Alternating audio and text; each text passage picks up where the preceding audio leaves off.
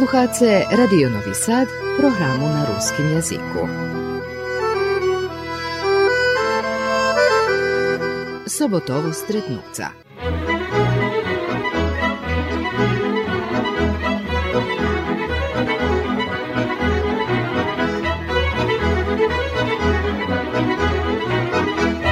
Počitovaní slucháče, u dneškajšej emisii ho znam Michal Biljňa, lebo jak vás volajú? Hej, mm, Gorčekovo, mm, jak od u rodiny mi to ostalo, takže, ale tu me volajú v Orachove, uglavnom Michal Biljňa, takže... Žijete teraz v Orachove, ale nerodom ste z Orachova. Otec mi bol pekar, takže tedy žili u Nadalju, to pri Srbobranu. U rokoch, keď bol tam, ja še narodzal u Nadalju. 53. roku, u stvari u Srbobranu som še narodzal. Posle toho da skeľo roky, o tri roky prišli 54. toho, lebo tak už prišli do Orahova i odtedy žijem u Orahove. No, iše i dalje, počím otec tak ja jeden čas robil u Novim Sadu, Takže keď som naplnil 6-7 roky, tedy sme žili u Novim Sadu. Tam som počal do osnovnej školy. Tam som završil peršu klasu i polovku druhej. A već kad sme znova prišli do Orahova, še preseljeli i odtedy som žil u Orahove do 70 rokoch. Kiedy ja čul od nejakých pripovedkів Janko Planček zo Ruského kirestura, on salašťaň, z tu medzi Lipárom i Kúlu, Saláši. Ja ani neznal, že tam bolo teda Saláši. To bar veľa ruský Saláši bolo. A čul som, že i váš Saláš bol tam. Mojho džida bol tam Saláš, to pomedzi Kúli, baš na tej časti celá rodina, tam, môj otec tam žil, ich bola väčšia rodina, bolo ich štyroch bratov i tri šestry, on co ostali živi, ešte jednom detsko im umarlo predtým, ale to všetko bolo po 30. kolo 30. roku, 27. 25. Takže tam žil Džido a počas vojny bola tam, mali partizane bazu. I vecka še to deselo, že ich tak mi pripovedal Bači Vlado, od otcov najstarší brat, hovorí, že zos kúli baš tam jakši Mađare ih prijavili i takže mi Džido bol tedy, tam ih napadli, dos ľudoch umarlo.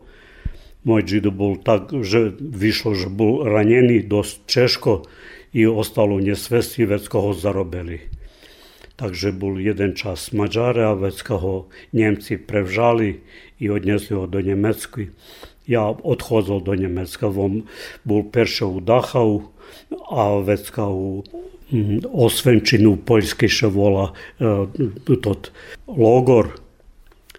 Takže tam i Džido umar, tam ho zabili praktično Njemci, a baba umarla tu u Sobotici mi je pohovana z Ozocovo boku. A Salaš, kedy še Biljňov Salaš zahašel, kedy prestal vozovať?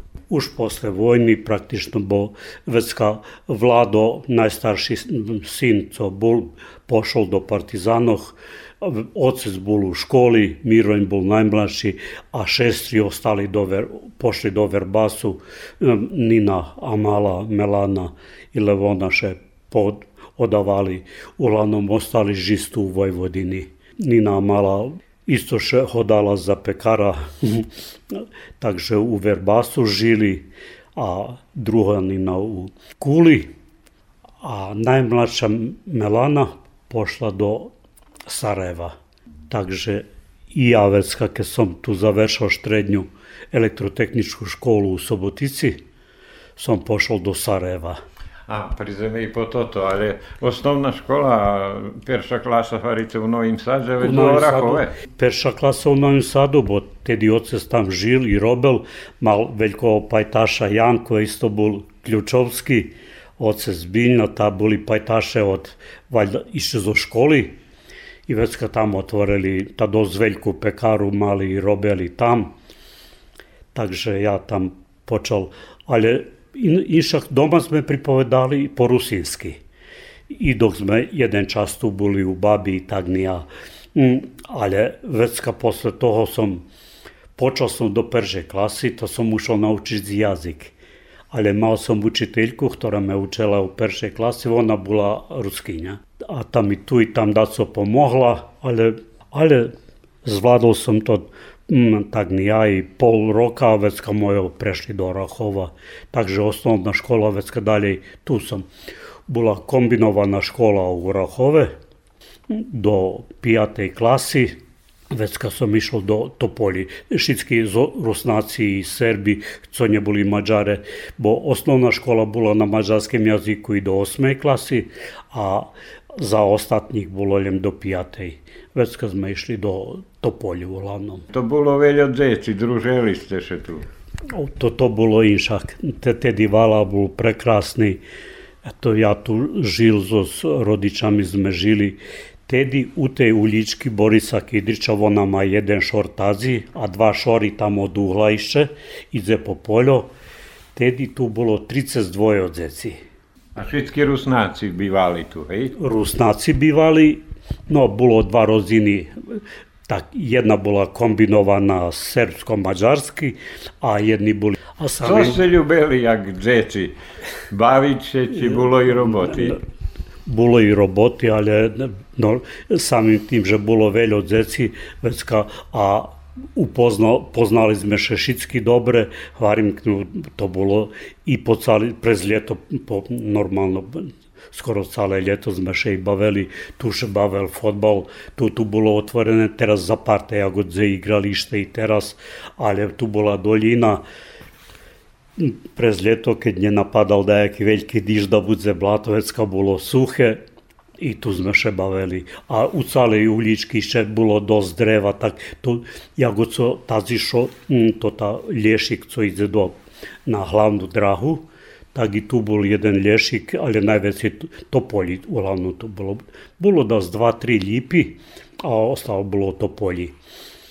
Ta sme še tu bavili i večar i, i prezdeň, viem, da sme chodzili do školy a ešte dok mi rodiči robili, jak otec robil jak pekar, ta ja už od malých ňov sme počali pomáhať u pekari. Bol, trebalo vše pošoriť, stediše ešte topelo zo skukuričanku i čutkami, zo slunečníkov, to tí, jak volajú palici, co porezovan, s tým še topelo do peca takže trebalo vše to pošoriť, porihtať. Da sme i ošivao som muku, už som počal včas i tak, i mladší brat. A kje vas bolo u familiji, otec, madzi, kje vas braća boli? Ja i brat, takže štvero sme boli u familiji, tu najbližša, ali na uhlje, tam, na, tam mi žili baba i džido, zos, zos materov v oku.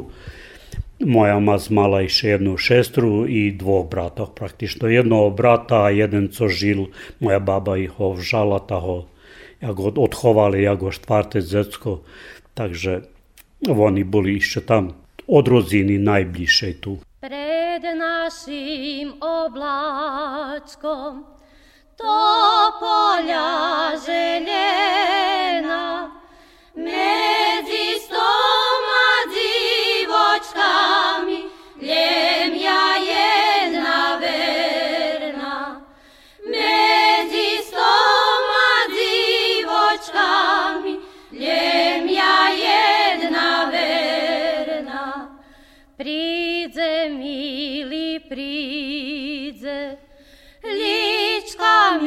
i pobočka,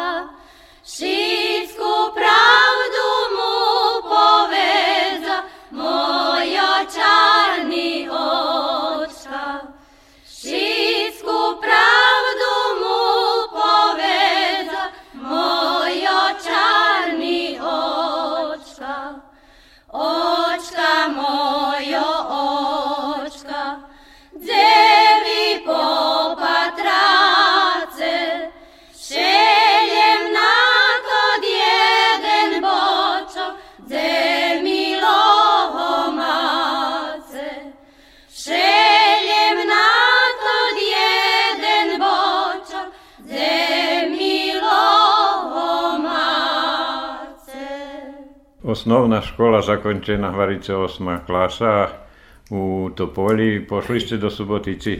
No, nie pošao som takoj, ja počal mm, do gimnaziji. Završio sam perši rok gimnaziju u Topolji i praktično najar mm, dru, u druhej klasi som ohabel školu i pošao sam do Njemecke. No, taki časi boli, mal som poznatých a mal som tam bačika, ktorý me na dajaký si pocáhnul. Mene še do gimnazii neselo, ako som ho chábel, ale pošol som, ta som bol rok i pol u Nemeckej. Zarobiť? Ta, išiel som bol mladý, takže počal som tam i robiť a išiel som do školy na, u Nemeckej. To bola škola za robotu i učil som jazyk praktično jeden rok a samim tim gdje mi bači tam robelo u tej jednej veľkej fabriki, ta som počal tam i popačala še mi elektrika, počal som tak nija popačala še mi no, na, na dejaki način, ali še tedy som, mal, som bol dosť mladý. Nevytrimao som dlho, so s bačikom sme tako pochodzeli tedy, takže bolo tak, že som še vracao z Nemeckej. I kad sam prišao tu, bolo, ne, rozdumovao som, že dacu treba, ale bolo pajtašov društvo, počal som už, jak ako som vyrosnul, nebolo to už 15 roky, ale 17, ako zi vychodziz i tak. A vecka som tu stretol raz jednu zivku iše i pitaše mi, že co robim. Varim, že ne robim nič obično všetky tedy išli do školy, lebo do štrednej školy, lebo na, počím u Topoli bola gimnázia i bola poljoprivredna, ne znam više co bolo, bolo školy za to ti automehaničarov i tak. Medzi tým nič. I tedy mne prišlo, že ja nemôžem len tak dalej nastaviť, že nebudem nič robiť. I vecka som tog rok tako som še prijavil na elektrotehničku školu do Sobotici i so zakašnjenjem od dva roki praktično som nastavil u peršej klasi. Za štiri roky som završal štrednju elektrotehničku školu u Sobotici родичи Мише теди tu, već kad ako стам u Sobotici, ja tam боли na стану и на интернату, так же исто не вело пајташо було дос зо Зорахова, зо сторима зме донешка добри генерација, маđареца боли и так не ада скело, стварно зме боли там вједно и було то красно. Všetky še krašne zdadujeme mladých rokoch. Leginstvo, Jakie že bolo? Subotica, interesantný varoš. Subotica, bardzo interesantný varoš. Za mne veľa ukázalo. Videl som praktično posle u Novim Sadu, dok, som, dok sme žili, ta, som bol malý. 6-7 roky, takže nemôžem dať co povesť. Ale do Nového Sadu som še, še vracal, već kad posle toho, jak som robil, takže som jeden dlhší čas robil u Novim Sadu. Som bol znova u Novim Sadu, prevedol skoro 3 roky. Takže, ale u Sobotici som počal i posle završenej štrednjej školi, tedy to boli takí krásni časi ešte, že dalo še prez ljeto, počím štrednja elektrotehnička škola, ta prez ljeto sme mali ešte dva týždni praksu. I na tej praksi ja chodzol na prasu do, jeden rok do Sigmy, a vecka dva roky do Severu i veterinárského závodu praktično za to tých dva týždni da co oni zaplaceli firmu. Peniežico ostalo, pozberali sme še društvo i na morje. I to bolo, to bolo isto časi, ktorých še môžem len tak pamätať krásno. Supruga Ruskinja, upoznali ste ju kadzi? Supruga nie Ruskinja, supruga mi Slova, zo Slovačkej a upoznao sam ju už kasnije, kad sam robel, kad sam prešao do Sarajeva, bo posle završene srednje školi sam počeo robiti u Sigmi, već kao oni prišli tam jedna društvo, počem Sigma bila u sklopu Energoinvesta, počastali Jugoslaviji i ne znam kelju i ljudze, ali došle išče pametaju, to bila jedna od najvećih firmoh u tedajšej Jugoslaviji, calej. I već kao som prešao i počeo sam robiti u Sarajevu Energoinvestu. Energomontaža to bila u sklopu montažnik, to bila i výroba tedy i mm, to montaža elektroenergetských postrojenjoch. Takže som prevedol.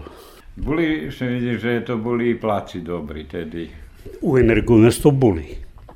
Tam boli, bo ja znam, moj otec Keljo Robel, već kaše pohoral, i to taki to vidze absurdne až na dajaki način. Robil cali život jagod pekar i vecka mu utvrzeli, že má že je alergičný na múku.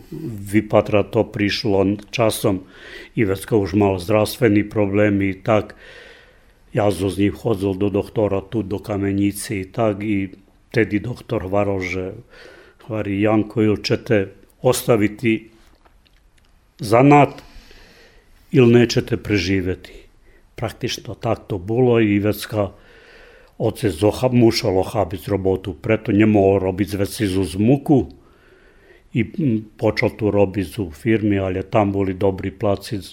Ja, jak počatnik praktično u Sarajevu u Energoinvestu zarobil tedy jak od moj otec, već jak od dva raz, dva i pol raz. Jak od su on tu zarobil u Topolicu, robil u jednoj firmi.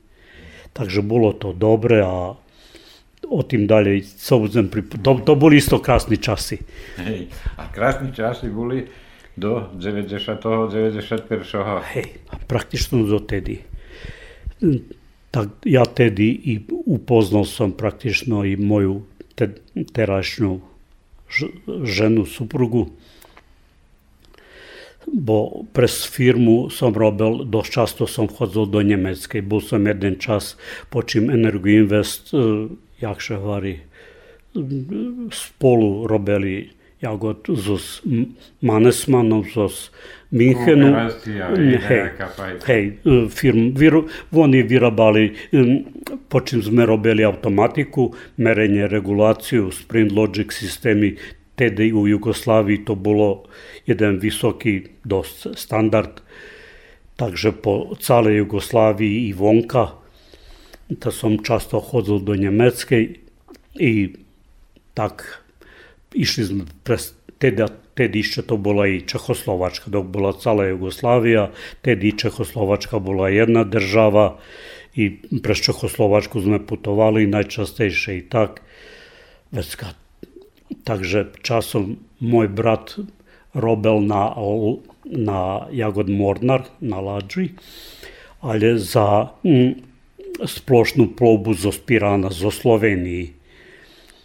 I on tak u istočnej Njemecke strecol jeho ženu, a moja žena boli, boli pajtaški vjedno.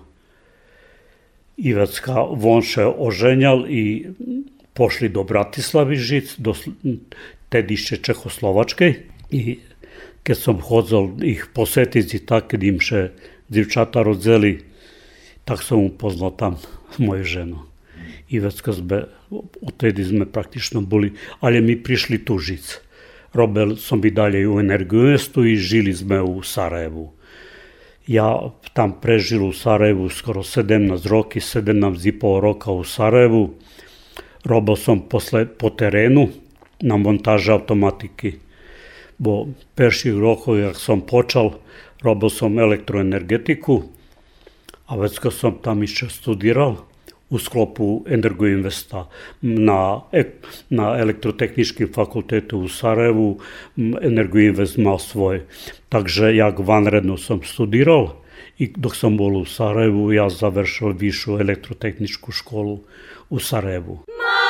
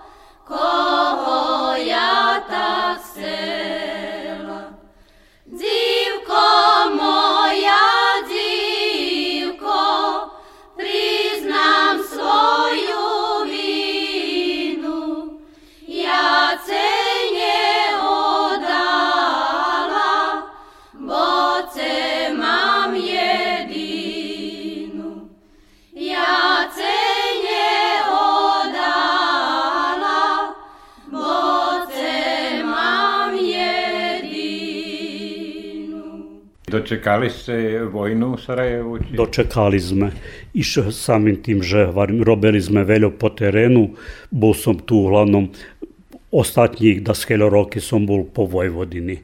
Robil som na veľkých objektoch tu u Novom Sadu, teda tediše robil naftovod zo Spančeva do praktično Omišľa na Krku u Chorvatskej, terašnjej, a ja bol u Pančevu, najveći u Novim Sadu som mal, ja go stacionar dajaki, ali som posjecoval i terminali u Pančevu i u Slavonski Brodu. A išao som často do Rijeki i na Omišalj na Krk, do Krku.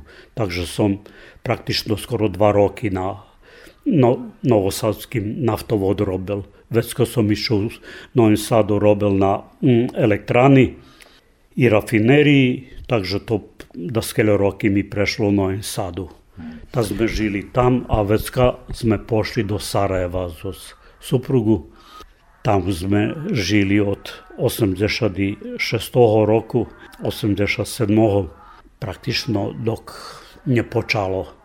Tam še nam narodzeli chlapci, jeden i drugi u Sarajevu narodzeni, a već už počali taki češi dni i kad sam pre, u Zvorniku robil na fabriki glinice i aluminijskom kombinatu, trebalo da so prinjeso z Obrovca.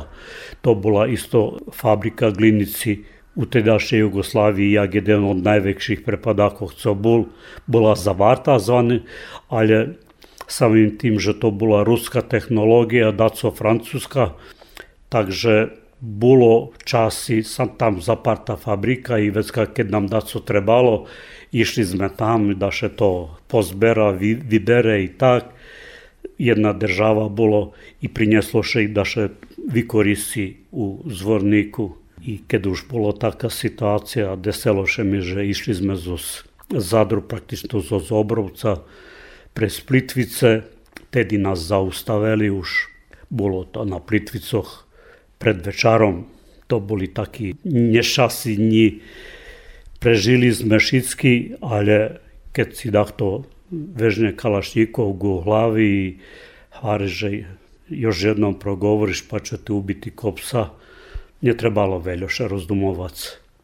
Tak sme prešli, že šťastejšie mali sme dajakú opremu, co bolo elektricárske i tak nija, tých aparat za varenje, vecka, osiloskop i také, co bolo, prišli normálne rozumím po srbsky samým tým, že sme tak žili, robili, povyberali, čujem jeden hvari, ovo možemo naplatiti i pozberali toto, co še dalo a nas pušćeli. Pošao sam do Sarajeva, prišli sme už nad rano, išli sme dumali, že ostanjeme u Banja Luki, coška, ale šitski posle toho, jak še deselo, ideme do Sarajeva i treba da še vydihat z toho. Ja prišol do Sarajeva, teljo sam še zaustavil, hvarao sam ženim žena spakuje na ih porihta. Ja pošao do firmi, vracao sam službene auto, co sme mali, napravil še zapisnik, prišli iz policiji, zapisali, ali vari, že to už nie perši slučaj, už se toho dešavalo po Bosni, bolo toho i u Chorvatskej.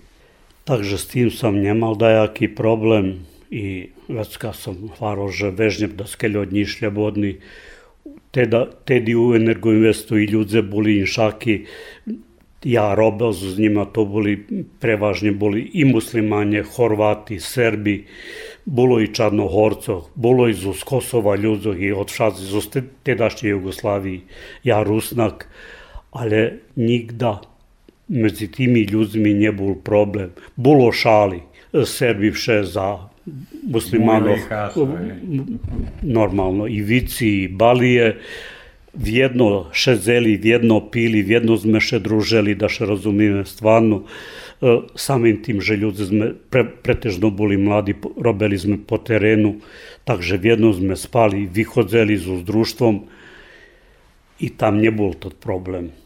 Ale bolo i, i u firmi ľudze, co rozumeli všetko i nebol problem. Nám keď sa to deselo, keď sa mne to deselo, robil som jako šéf grupy tedy už, jak upravnik gradilišta. Takže keše to deselo, hvarom, ke som ochábal všetko, hvarom, že vežnem šľobody dní, tehnički direktor prišao iz Čavari, že imaš slobodnih dana toliko i toliko, bilo toho išće plus, ali kad treba vežnji godišnji odmor, hvaral sam, že co sem, že počim, mam tu rodiču u Vojvodini, u Orahove, že sem prerucic tam ženo i dzeci, uške še to deselo tam, a u Sarajevu ište tedi to bilo relativno dobre, ali už to bolo tak na hranici. Žena spakovala dzeci, mladší syn tedy mal dževe zmešaci, prišli sme do Orachova i vecka oni ostali tu, a ja s jedným pajtašom Radetom tu zo, zo Zuličky, že pôjdeme ešte po stvari, co nam daco ostalo i tak. Daco sam prinjesao, mal sam auto za sprikolicu, razbi jedno službene auto, kad išli do Zrenjaninu, tam i da, dajaki stvari prinjesli za stanu, od tamo za Sarajeva. Da sme še tu preseljeli na dajaki način, nje šitsko, ali no, dos. Sme to prinjesli, ali ker so vseopojsta zmešili z ostim Radetom, Pajtašom и на Романии знова нас заоставели тераз други и дзе идзебен фарим же идзем до Сарева, там сом жили sem, сем, nemoj. немој. mi ćemo vas вас dobri ste, naši ste, сте, Znaš, jak to то уштеди išlo, але хари do Sareva, хари, не, ми никто не буде гарантовал, že ћи и видзем и ћи ше. I već sme šedli s njima, zo zradetom, popili po pivo, i co budzem, odlučili sme, že ideme nazad, ani som nepošao vecej. A mali ste tam svoj kvartel, či... Nie, pod najem. Tamo, keď som rok 7-8 mešaci predtým som dobil rešenje za stan u Sarajevu. I samim tim, že toto prišlo tak, jak prišlo, ja mi še neusejeli do stanu tam pri radioteleviziji fine, krasne mesto i tak nija nova zgrada bila. Sam dobil dvojposobni stan, praktično, ali varim nikda sam še do njo useljal. Boli sme. Teljo o vizizi, počal sam že buzem rihtac, ali već kaket sme prišli tu, ja ostal na gradilištu išče dok Energoinvest jak taki egzistoval, u Zrenjaninu som robil, tedy še robila fabrika Diamant, nový deo, takže vyrobili u olej i margarini i to ti proizvodi iz mleka. Takže som tam robil i vecka posle toho jednostavno so s tehničkim direktorom sme mali taki, tak dohvarené, že dok može, idemo. Vecka mi razdjaveli, že firma dalje ne može egzistovati, že naj gradilište, keljo da, da še naplaci toto, co bilo už tedy to išlo Češko, zo naplatu zo z jednej i druhej republiky do Bosny pohotovo do Sarajeva, ale sme ostali tak, že vežnem co še hvari tam odrobení dní, narobení dní dejaký šljebodný odmor, pa dok še to zmiri, takže še počujeme, že še vracim medzi tým nikde vecej. Boli sme tu jeden čas, počal som privatno da co robiť, tedy to dosť češko bolo i politička situacija i tak. Tu Orahove. Orahove. Sa sam otvoric elektro, že da počnem, tedy še baš uvozeli telefoni i tak, da sam dumal, že počnem s tim. Mal som i školu i akreditaciju da jako za telefoniju i tak. Međutim u Sobotici kad sam pošao človek, stretol som slučajno pajtaša zo štrednjej školi, Hari Mihajlo, nemoj ni da pokušavaš, nema šanse, dok nemaš neki mogućnosti veza u Beogradu, to ide ovde sad tako.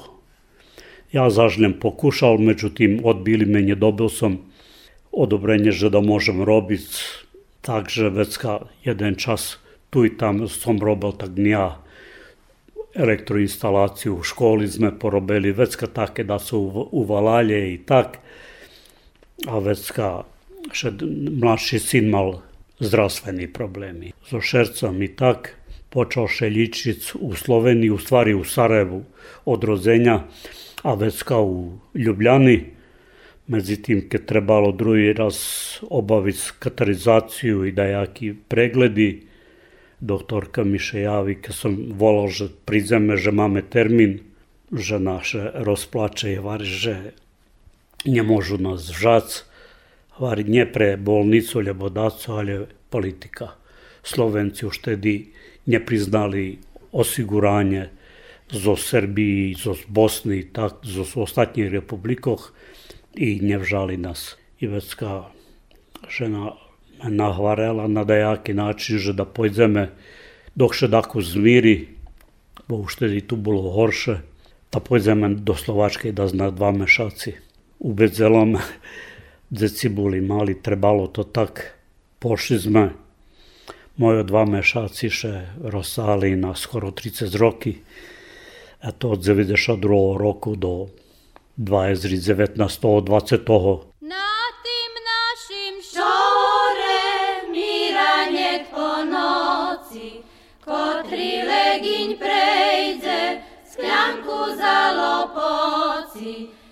kotri legiň prejde, skľanku za lopoci.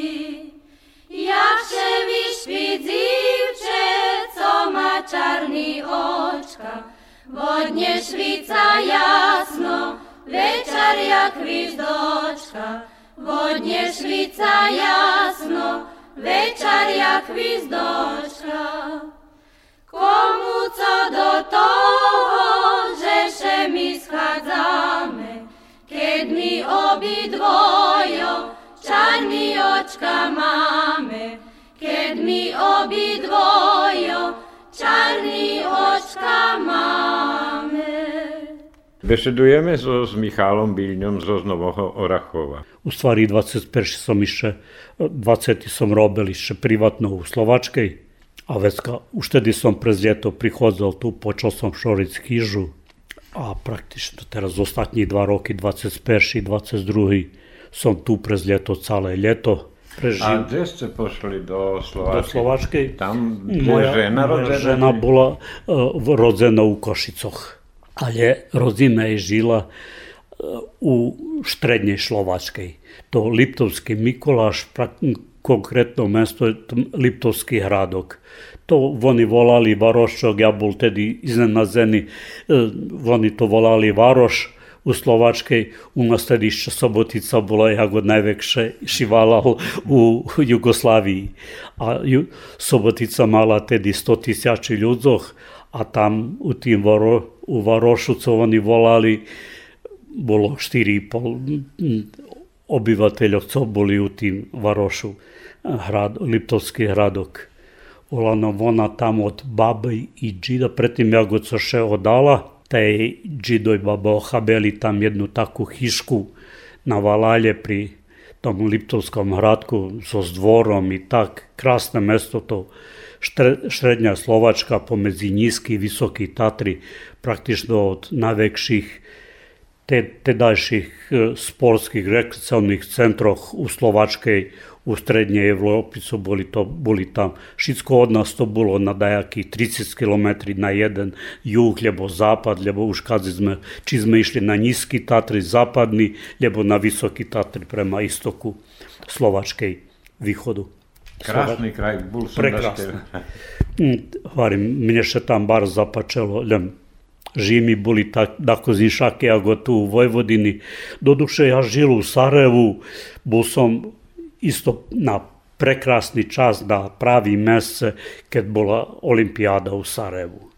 Energoinvest bol generalni izvođač robotoh od uspinjačog osvetljenja i šitskoho ja mal za olimpijski igri na šitski stadioni som mal permanentku otvorenu, mal som službene auto da možeme vis hoškedi ljebo na Jahorinu, Bjelašnicu, ljebo na Trebević.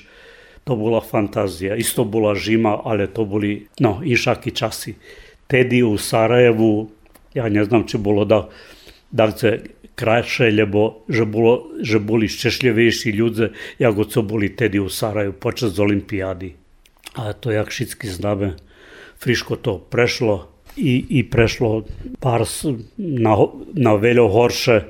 Posle Daytonu mi počeli sme tam žili, keď še potpisal Dayton i tak, da sme išli do Horvatske praktično i i do Bosne i tak, ale Sarajevo već i nje toto Sarajevo, co tedi bilo, ani blisko. Jak ste se tam uklopili u Slovackej? Keď sme prišli, samim tim, že žena bola zo Čehoslovačkej, dzeci automatski dobili po po ženi dobili držav, državljanstvo tam.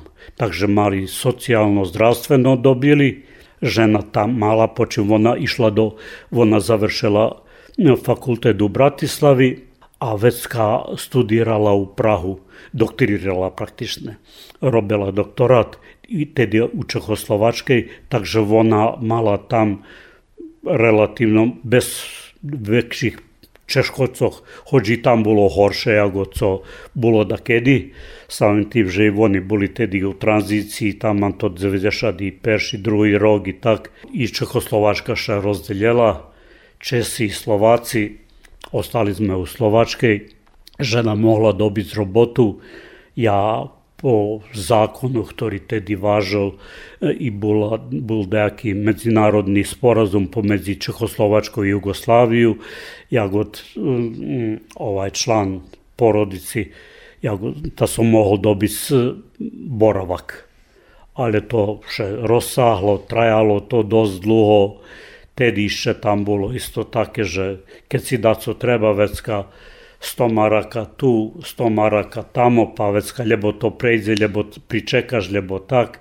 Uglavnom, ostali sme tam, žena dobila tam jeden čas u Mikulašu, to jagod okresne mesto bolo, okresto jagod Sreske tu nijaco bolo u Jugoslaviji, praktično opštinske, tam počala robiť u štrednjej školi, tam sme žili rog i daco, medzi tým mladšomu synovi, ktorý še, dosť še pošala situacija i tak nebolo dobre da žije u stanu zdravstveno. Već kad sme prešli do te jej, ona nasledzela od babi i džida, je ostala jedna hiška taka, u njih še to vola, jego od halupa u Slovačke, zo zdreva napravena stara stoji daco roki, do tedi še mala kolo 90 i daco, ale mi prežili keď sme prišli, je to z Zesby, pošli sme otac do Sarajeva, kde bola na dajaký način Amerika, mi prešli tam do, do Slovačke na Valal, mali sme vodu u dvore, nuka bola jedna mala pec na drevo i uhlje, Peterka še volala u Slovačkej po, po nazivu, jedna hiška to bola, jed, jeden hodnik, i eto to bolo mesto bez vody, bez struji te diše, a mi prišli so s malima dzecmi tam. Prežili sme. Ja dobil perše trajni boravak, a već ka posle jednog času sam dobil i odobrenje za robotu. To bilo najčešće. Tedi u Slovačke praktično gdje bilo roboti. Isto oni še rozdeljeli zo Čehmi, ale firmi bola taká privatizacija, jako co hvarjaže i tu ali tam tedy boli ešte čehoslovački koruni, već ka prešli na slovački, ali keď praktično direktore najväčších državných firmoch, celú firmu zarobili po 2-3 alebo 4 tisíci ľudoch, oni kúpili za jednu korunu. Vecka môže sa zadumať, jaká to bola privatizácia i jak to išlo. Takže to tí firmy praktično kúpení i rozpredaní. Prepadlo všetko, počali oni, ale išlo inšak samim tým, že politički še oni oprodzeljeli za zapad. Češka už mala väčší kontakty, sušedi boli s Nemcami tak i vecka še daco to preneslo do Slovačkej. Vecka Slovačka pomali šeriktala do Evropskej únii, vošli do NATO, co im bolo, to bolo značajnejšie. Keď vojdeš do NATO, vecka má šansi do Európskej únii, tak to zo Slovačku bolo i vecka bolo daco veci investícií i tak nejak kapitálov, ktorý išlo zo západu, pohotovo z Nemeckej do Slovačkej.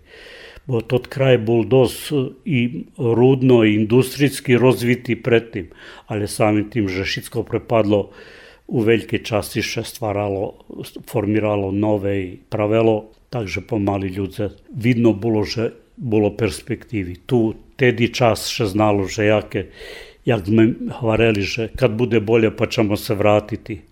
Međutim, tu bilo horše i horše, a tam bilo dako zljepše zašljem. Jak teraz u Slovackej? Teraz u Slovačkej, no, momentalno to češko. Baš preto tu ich politiku, ktorú vošli, postali praktično njeđan prozapadni, dobro z Evropske unije Slovačka dostala veljo.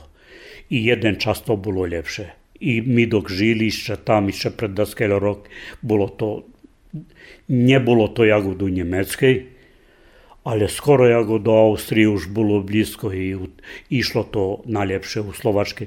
No, velike razlike i tam. Praktično jagod i tu teraz u Srbiji. Bratislava, na primer, Košice, Banska Bistrica, velike industrijske mesta, a Valale i toti mm, menši varošiki, to celkom miše. Praktično ja godi tu Beograd, lebo Orahovo, a nie isto. Takže i tam to ti rozdelj boli velj, veljki, mladi ljudi dos pošli do Varošoh, lebo studirali, lebo išli robic, praktično da skele roke odrobili, već ka išli do Austriji, Njemecke, već ka pošli dalje, mm, išli tak, takže še mesto vše, mm, da ko zukazovalo mesto do Slovačke počeli, počali prihodzi z Ukrajini i tak robili u štedišćeh predtím, ako se začala to ta vojna, konflikt. Ale bilo ljepše i mi tam uglavnom nie było to lehko, ja isto njemu osom robis dobis robotu u struki, kasnije šestom završao, priznali mi i diplomu, priznali mi i sertifikati, co som mali tu praktično, da su sam ušao položi više, e, tad mi ja da možem robiti siveska som. Jednostavno počem do tedi sam nje robel u struki, bilo češko prežic, uglavnom deseloše i čudo mlači sin operisani u Slovačke u Bratislavi, prognozi boli išće u Ljubljani bar skromni, nedobri. On to prežili, fala Bohu, žije i teraz. Ja nemam co hljeda zdalje. Obidvome hlapci virosli, naučali tu srpski, sme pripovedali doma, u Rozini tam. Tu rusinsko odaco vžali jeden i drugi, še dok mi mojo žili, z džidu i babovcu, dok sme boli tu tam naučili praktično slovački, tam završili jeden i drugi srednju školu, starši da su studirali, takže teraz robia. Starši sin uglavnom Švedska, Norveška, Danska uglavnom je tamac, prihodzi do strednje Slovačke, keď ja tam i mac stavecka príde nas opatri da skelja dní a vecka ponovu odchodzi, Mladší syn žije i robi u Bratislavi, takže co da pom, dobre.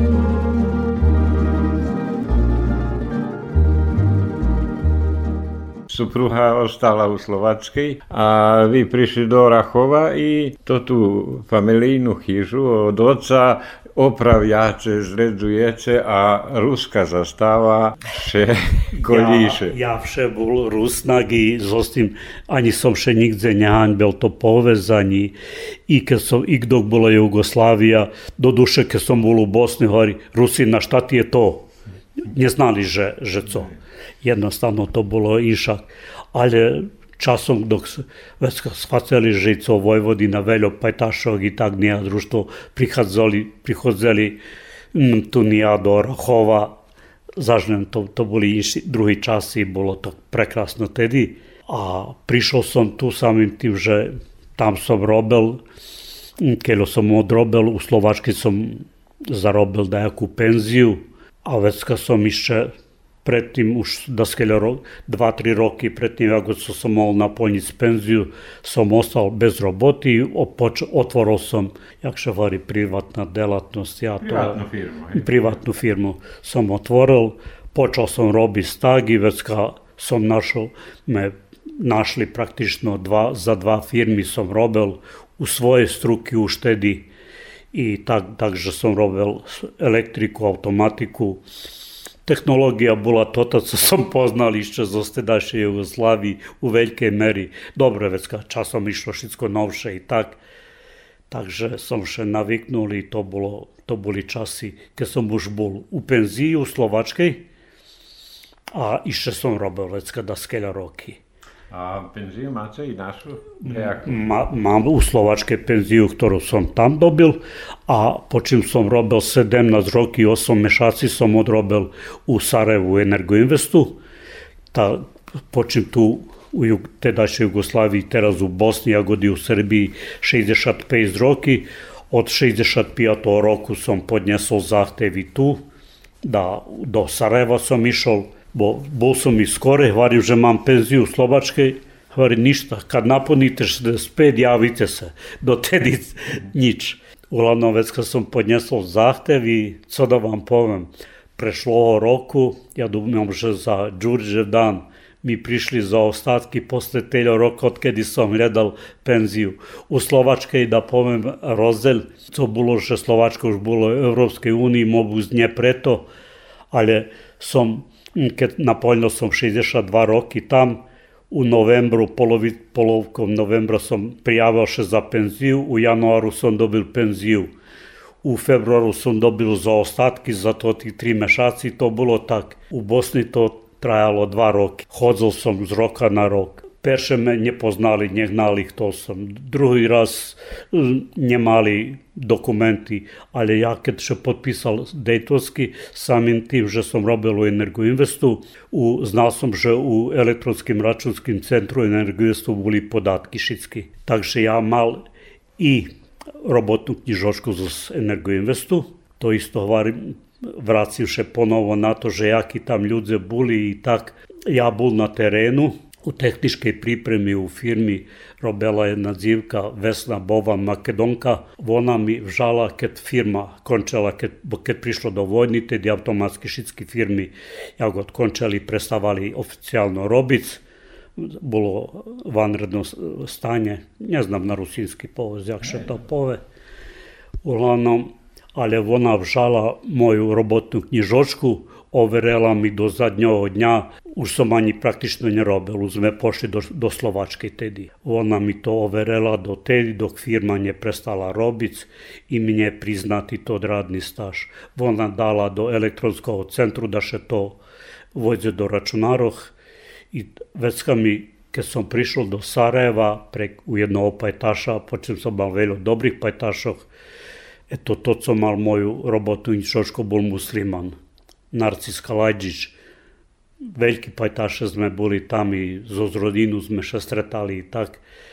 Keď sme še našli, dobro, všetko bolo, pozdravili sme še jak, jak keď som odchodzel praktično, prežil kojco, dosť mi pripovedal o tým, že jak ľudze zos, ktorí v jedno s nami boli, nažaloše, baš rozdelili na tri boky bolo i na srpskej, i na muslimanskej, na chorvatskej strani. Z našho toho najbližšieho društva, kde sme boli, kde 6-15 ľudí praktično.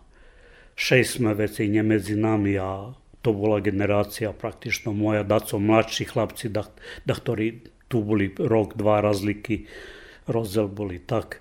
Ulanovo mi dal mi robotnú knižočku, čas išli, teraz sme še stretli, pre, prešloho roku sme še videli i tak. Žijete na relácii Slovácka, Vojvodina? Že som u, prišiel do penzí, hovorím, našli som to dom odrodišoh, zos bratu zmeše pošoreli, vom žal drugu hižu tam, jo, žena tedy nie chcela, da budeme v jedno.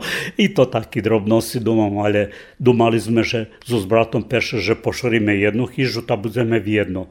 Međutim, ona tak nije sela i oni kupeli drugu hižu, mali to tu možnost. Takže ja našljezal to tu hižu i vecka jak mi rodiče umarli, već kad sam počeo prihoditi tu prez ljeto pešeljem na dva, tri týždni pa na mešac, pa počal som šoriť, je to rozsahlo še to da skeľo roky, ale teraz som už chyžu pošorol, že da še dá relatívno lahodno žiť. Prichodzi familija, deti? Prichodza. Chlap, mladší syn ljubi Balkan i Vojvodinu, pohotovo i tak, prichodzi často zo Bratislavy. Starší syn već je i tamaz na sever, ali Кажди рок приходза ту по два мешаци, младши син тоа roku було аж два и пол, три мешаци, исто робел таму у едној фирми у Братислави и кеж се в годишни одмор – že može tidze. Havari von za tidze, a ne, ne vredi da idze von se i do, na Jadran, pojez do Horvatske i tam máme i pajtašok i ja mám priateľov zo z roboty skorej, máme poznanikov, do ktorých môžeme pojsť prez ljeto, ktorí teraz trimajú dajaký tam u nich še to teraz volá. Uglavnom majú svoje mesto za smešta i tak, za turizam takže máme takých poznaníkov, kde hočkedy môžem navolať i pojsť i to dobre. Već kao do Sarajeva často možeme pojsť, ale varim, ja ostal tu, pošoril som, žena ešte to drog robi, teraz už ona pošorela penziju tam a uči u školi, takže ešte do kraja toho školského roka i budúceho bude robiť. A keď bude, jak še spada, vec, keby sme prišli tu. Aj do Rachova. Supruha ju je? Že budeme tužiť, hej. Brat mi takisto, odkedy je u penziji, na druhej ulički majú dom, on tam isto, a moja žena i jeho generacija praktično toho roku vyplňujú uslovi za penziju. Jeho žena teraz u oktobru štunija, ale na jar iše do jari bude robiť, zveska isto príde tam, tu do Rachova, moja by trebala na rok do završie školské roky, všetko prejde, jak še spada. Takže eto, vecka by sme tu. A uvidíme, co budeme u Slovačkej. Mladší Simon tam ani nese pojsť, teraz žijeme u štrednej Slovačkej. Starší má svoje plány, všelijaký, co bude, Boh zna. Ne znam žena koho je, žena hvari že na mne, že taký je skytnica, a ja ne znam teraz šerihta, že chcel pojsť na Aľasku, praktično už mal dohvarené i všetko, boli povolaní da idze medzi tým zo zdívku, ktorá bola zo Slovačkej. Cožka še nenašli v jedno, ako co chceli. I vecka von nepošli v jedno, ani von nepošol sám. Teraz má jak dzivku u Norveškej a ona nadumala, že se do Argentíny. Takže so synom neznam, že co bude starším, Uglavnom, tu sme pošoreli u, u Slovačke samým tým, že sme robili vecko už kasnejšie obidvoje i tak dalo še. No, investovali sme veľo. Sme pošoreli i tam chyžu i tu. Ta uvidíme. A teraz jaká situácia, uvidíme i to, že jak še bude ďalej. Čítali, čítali. Hej. Vážne, že máte dze. Máme dze i to najvažnejšie i my i deci pa jak bude keša odluča keď prídu, keď prídu, ta budeme všetky štvero tužic, máme i mesto, i dze, a môžeme i rozšíriť, keď budeme sezišće, takže tu u Šore, u Slovačke isto. Tam sme pošoreli staru chyžu, praktično i napravili ešte jednu kolonje i praktično jednu čas jagodnovu. Takže i tam majú dze, a doteraz sme tak, že i prešlo roku som. Prežimu, pojdem tam, ljekšejše aj teraz jaká situácia, ja mám s čím tu, topím na drevo, poriktal som dosť toho, teraz stojí, ale ešte keď ocezi ma žili, ta ostalo to tí, jak od ekonomsky, to tí, co boli budovy, ktorí napravení tak, takže mám dze odložiť, poskladať, ale nebudeme za žimu ja sám tu a žena tam, takže pôjdem tam a na jar i prestagnia, keď sme hodní, ta prídeme tu, ta budeme kombinovať. Za jak bude, neznam. U Slovačky teraz nedobre situácia. Pre politiku Slovačka zaveši celkom od ruskej nafty i gasu praktično i za atomsku elektranu, co majú gorivo i rudu, pa praktično uhlje, Košicevo, željezaraše za, zapera US Steel, praktično bo nemajú uhľa z Rusiji, ale važno, že zavedli sankciji na naftu i to, vypatraju šmerzel, ruski gas, a teraz nebudú mať nič. Teraz, keď som odchádzal, prešlo od týždňa, som prichádzal tadzi, ta mali schodzu i prišiel človek zo Varoša, tam zo zgradského väčšu, hovorí, že s direktorom mali sastanak, moja supruha bola tam, hovoril, že nemajú nejaké garancie, že budú môcť obezbedziť plyn, jak gaz za grejanie. Moja žena učí u strednje školi, Ezder i 200 djeci tam majú interna, okolo co prichádzajú i tak sú tam Znači, kad ostanju bez plina, oni zavru školu. Jednostavno, direktor Varože nemaju co dalje. Także ci budu vecka robić, jako co robili jeden čas počas covid online przez internet, lebo całkom, także tam sytuacja isto niedobra, ale... Budzę to uczem dajak. Michał, dziękuję wam na poświęconym czasu, życzę wam zdrowia i żebyście się najar vraceli do Orachova, že by sme sa znova videli. Ja, ja dúfam, že keď daco še nedesí také, že sme nehodní veci še rúšať, že sme nehodní, ja už včas na jar prídzem, ja god som i toho roku prišol, mobuzi no skorejše, uzime čim bude treba sam menji šorici ta kolo hiži, kolo domu, dako spošoric tam, ta vecka pridzem tu. Ďakujem vám, Barš, strašne. Nemá sa za to i ďakujem ja vám, že som mohol povedať za vaš radioemisia. Ďakujem vám krásne. Sluchali ste sobotovo stretnúca, host nám bol Michal Bilňa zo Nového Orachova. Autor Janko Choma. Emisja realizowana jak niezawisła produkcja u sotrudnictwie z agencją Videopunkt z Beogradu.